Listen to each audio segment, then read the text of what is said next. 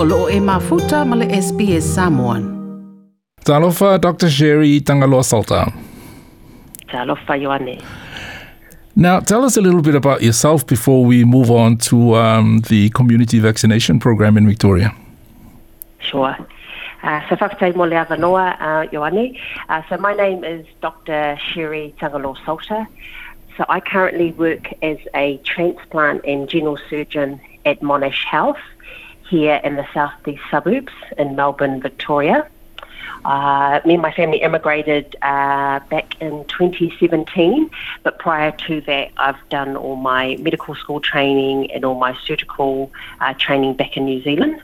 Um, and then I decided to further subspecialise as, as a surgeon uh, to do kidney and pancreas transplantation, and that's what brought me to uh, to Australia. So I did uh, a year of transplant training at Westmead Hospital in Sydney back in um, 2015, and then in 2017 um, I did my final year of transplant training, and then I've been working as a consultant surgeon since 2018. Were you born in Samoa or New Zealand? Uh, I was born in Wellington, yeah, Lower Hutt, Wellington, uh, New Zealand, but my parents um, are born in uh, Samoa and came to New Zealand uh, in their 20s. Now, let's uh, talk about the vaccination program.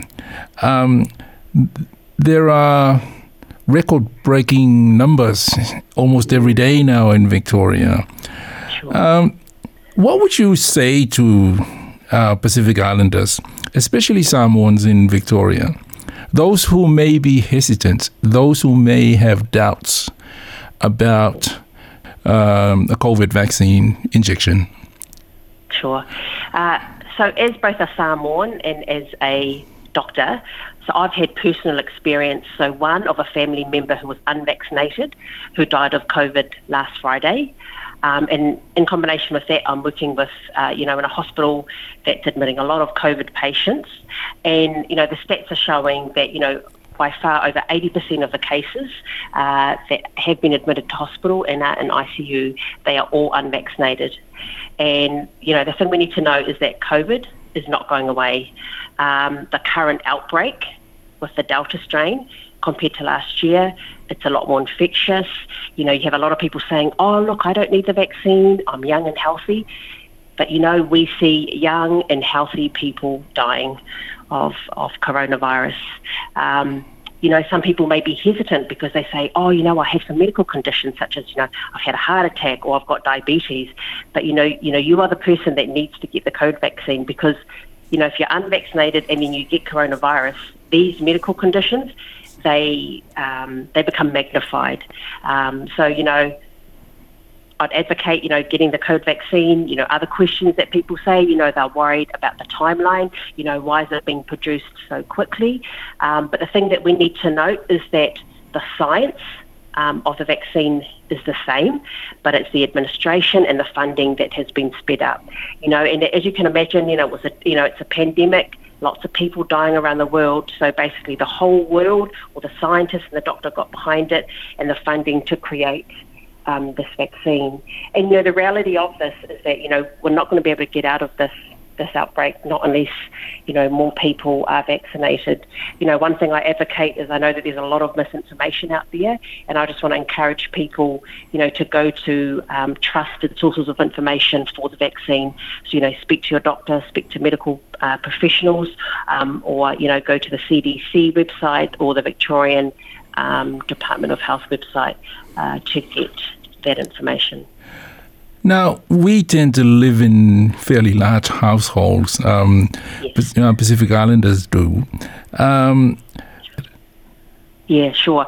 Um, so first of all, I'll just cover. So you know, if someone in your family, you know, is positive, um, if you can, and obviously not, you know, this may not be possible, but if you can, if that person can isolate, you know, away in um, in a part of the house. So, for example, if you ha- have two bathrooms, you know, if they can isolate, you know, in their bedroom and using you know their own bathroom and you know maybe just delivering them food just outside their door um, and follow any advice given by the Department of Health.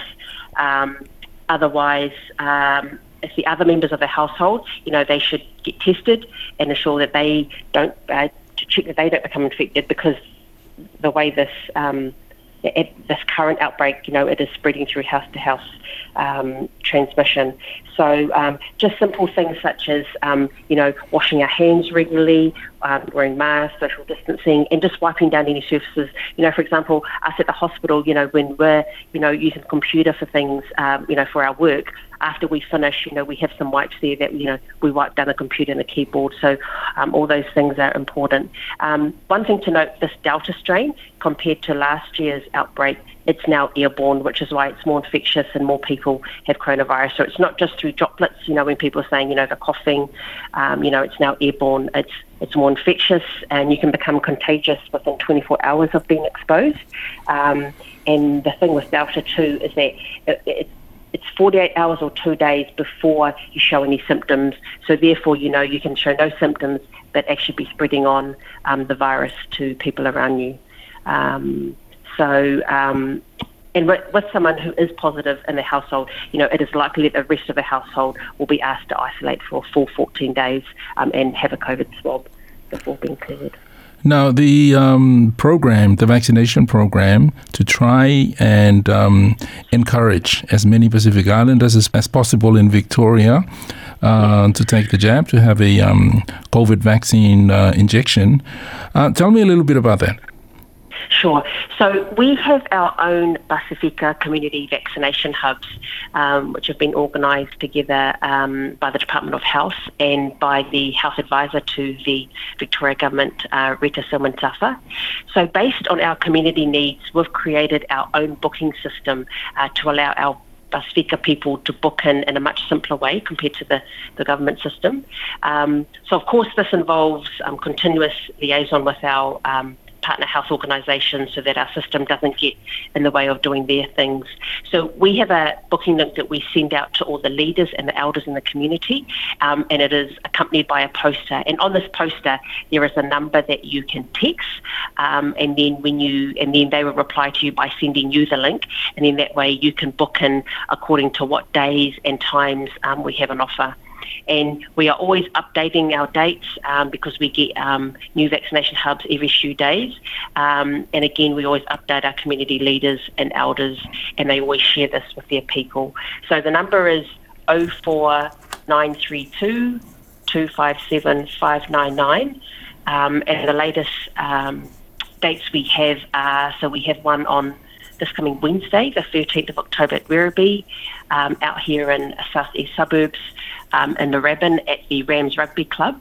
Uh, we have uh, vaccination days Wednesday, the 27th of October to the 30th of October, and then we're looking at one on Monday, the 25th of October in Dandenong, and then we're also looking at uh, doing one in uh, the region of Officer. Um, and then, of course, you know, if for some reason, you know, you can't get into the dates that we have, there's obviously the uh, statewide vaccination centres as well as GPs um, and pharmacists who are also administering the vaccination. That number again is 04932? Yes, 57599. 04932 It was lovely talking to you, Dr. Sherry Tangaloa Salter. Thank you very much and um, all the best uh, with your uh, va- vaccination drive. Right, lava Ioane. Like, share, mafaali sa ufinangalo, muli muli ile SBS Samoan ile Facebook.